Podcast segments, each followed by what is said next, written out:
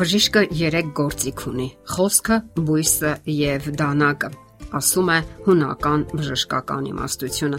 Մարդիկ հաճախ անտեսում են խոսքի հսկայական ազդեցությունը առօրյական հարաբերություններում, սակայն այն հսկայական է։ Պատահական չէ, որ բազմաթիվ ժողովրդական ասացվածքներ կան խոսքի ու լեզվի վերաբերյալ։ Դեռ հնուց մարդիկ հասկացել են խոսքի բուժարար հատկությունը։ Գաղտնիք չէ օրինակ, որ բժշկի սիրալիր վերաբերմունքից եւ խոսքերից հիվանդները դրական լիցքեր են ստանում եւ ավելի արագ են ապակինվում։ Իսկ ահա կոպիտ, բռի եւ դրական բժշկական խոսքերի մեջ ժլատ բժիշկների հիվանդները ավելի դանդաղ են ապակինվում, որքան էլ նրանք օգտագործեն ավելի ուժեղ բուժական միջոցներ։ Եվ այսպես, խոսքը կարող է քնքշորեն դիպչել սրտին, դառնալ նուրբ եւ անուշահոտ ծաղիկ, կենթանություն ապարգևող ջուր, բայց միևնույն ժամանակ կարող է դառնալ սուր եւ խոցող դանակ, շիկացած երկաթ, որ դաղում է անխնա։ Եվ դարերից եկող իմաստությունը այսպես է ասում. Բուժող լեզուն կենատ ծառ է, բայց լեզվի չարությունը հոգու վերք է։ Կամ քաղցր խոսքը մեղրախորիսխ է,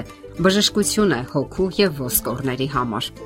Հետաքրքիր է, որ խոսքը անսպասելի ուժ ունի նաև այն ժամանակ, երբ լռությունն է թակավորում։ Այնտեղ, որտեղ անհրաժեշտ է անաչառ, սուր եւ ազնիվ խոսքը, երբեմն լռություն է տիրում։ Իսկ ահա իմաստուն եւ բարի խոսքը ուրախություն է պատճառում, սակայն անմտածված, աննրբանակատ եւ տեղին ու ժամանակին չասված խոսքը միայն վեճերի, խռովությունների ու դժբախտությունների հիմք է։ Խոսքով կարելի է նվաստացնել ու սպանել մարդուն։ Կարելի է հույս եւ կենթանություն ապարգևել կարելի է վիրավորել ու բուժել, ոգեշնչել կամ էլ անհուսության մատնել, կասկածների ու վհատության մեջ գցել։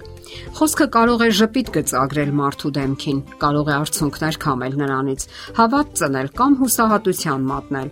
Եվ վերջապես այն կարող է թևեր տալ հոգուն կամ շղթայել հոգու ուժերը։ Աստվածաշնչում լեզվի մասին այսպիսի տողեր ենք կարդում. Լեզուն մի փոքր անդամ է, բայց մեծ-մեծ բաներ է խոսում։ Տես մի փոքր կրակը որքան բան է վառում։ Լեզուն էլ կրակ է։ Կյանքում ընդունված է, որ որքան հնարավոր է շատ խոսեն եւ քիչ լսեն։ Թվում է, զրույցների մեջ կարևորը բառերի քանակն է եւ ոչ թե իմաստը։ Սակայն հիմար ու անմիտ խոսքը, աննրբանակատ արտահայտությունները վիրավորում են եւ բացասական հույզեր առաջացնում։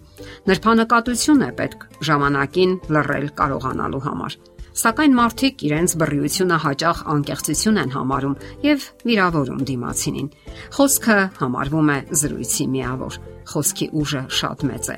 Այն հարաբերության, շփման համարյա թե միակ եղանակն է, եւ խոսքը կարող է վերակենդանացնել խզված հարաբերությունները։ Ահա թե ինչու արժե, որ յուրաքանչյուր մարդ մտածի այն մասին, թե քանի բառ է արտաբերում ամեն օր եւ ինչ ազդեցություն են թողնում դրանք մարդկանց վրա՝ շինիչ թե ավերիչ։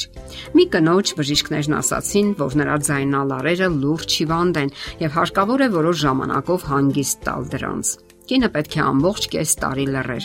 Այդ կինն ուներ մեծ ընտանիք, ամուսին եւ 6 երեխա, եւ թվում էր անհնար կլինի այդպես շփվել ընտանիքի անդամների հետ։ Երբ կարիք էր լինում կանչել երեխաներին, նա փչում էր սուլիչը, իսկ երբ կարիք էր լինում ինչ-որ բան ասել, նա գրում էր թղթի վրա։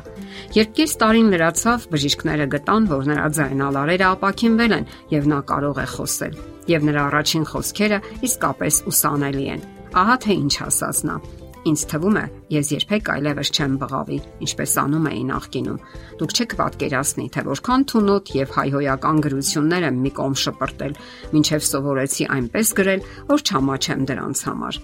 Այն հնարավորությունը, որ կարող եմ թղթի վրա տեսնել իմ ասացները, սովորեցրին ինձ ընտրել իմ արտահայտությունները ում հետ էլ որ խոսելիս լինեք, հերախոսով թե դեմ արդեմ, միշտ հիշեք, որ շատախոսության մեջ հանցանք պարզապես անպակաս չի։ Զսպեցեք ձեզ ամեն անգամ, երբ չար խոսքերը կամ բամբասանքը պատրաստ են փոկվել ձեր շուրթերից Ընտրեք ձեր բարերը, յուրաքանչյուր արտահայտություն եւ դրանով բարի ծառայություն կմատուցեք թե ձեզ, թե շրջապատին։ Եղեք խոհեմ ու շրջահայաց եւ իսկապես բարի անուն կվաստակեք մարդկանց մեջ։ Հիշեք այս կարևոր խորհուրդը։ Նախքան կսկսեք խոսել, համոզվեք, որ ձեր ուղեղը եւս ներգրավված է այդ աշխատանքի մեջ։ Խոսքի ուժը իսկապես մեծ է։ Պետք չէ թերագնահատել այն։ Նրա մեջ թաքնված հնարավորություններն ու վտանգները։ Հիշենք ժողովրդական իմաստությունը։ Թրի կտրածը կլավանա, լեզվի կտրածը չի լավանա։ Գոյություն ունի նաև մյուս ծայրահեղությունը՝ խոսքի ժլատություն։ Հիշեք, որ անտարբերությունը եւս վիրավորանք է։ Շատ մարդիկ կարիք ունեն մեր մխիթարական եւ կարեկից խոսքերին, սատարող եւ վերականգնող խոսքերին։ Այո, խոսքը, խոսքի միջոցով շփումը Աստծո կողմից տրված մեծ ագույն ապարքև է։ Անհոգ եւ իր բարերին չհետևող մարդու շուրթերին խոսքը նույնն է, ինչ ռումբը նորացնի ձեռքերում եւ որքան հաճախ ենք մենք ցավ պատճառում մարդուն, ստիպում, որ նա լաց լինի, մտածելով թե մենք ազնիվ ենք կամ էլ ճշմարտախոս։ Սովորենք խոսել խաղաղ, դեմքի հաճելի արտահայտությամբ, որքան հնարավոր է բարեհունչ եւ մեղեդային ձայնով։ Սա կարևոր է հատկապես գեղեցիկ սեռի համար։ Պետք չէ նսեմացնել կանացի արժանապատվությունը։ Պետք է լինել հավասարակշիռ ու համբերատար։ Հայ մեծ բանաստեղծ Հովանես Թումանյանն ասում էր. Կինը պետք է մեղմ խոսի դուրեկան ձայնով, այլ ոչ թե ճղճղա։ Աշխարի ամենաիմաստուն այրերից մեկն էլ Սողոմոնը ասում էր. անդադար ծալծալոցը, անձրևոտ օրը եւ կռվասեր կինը իրար նման են։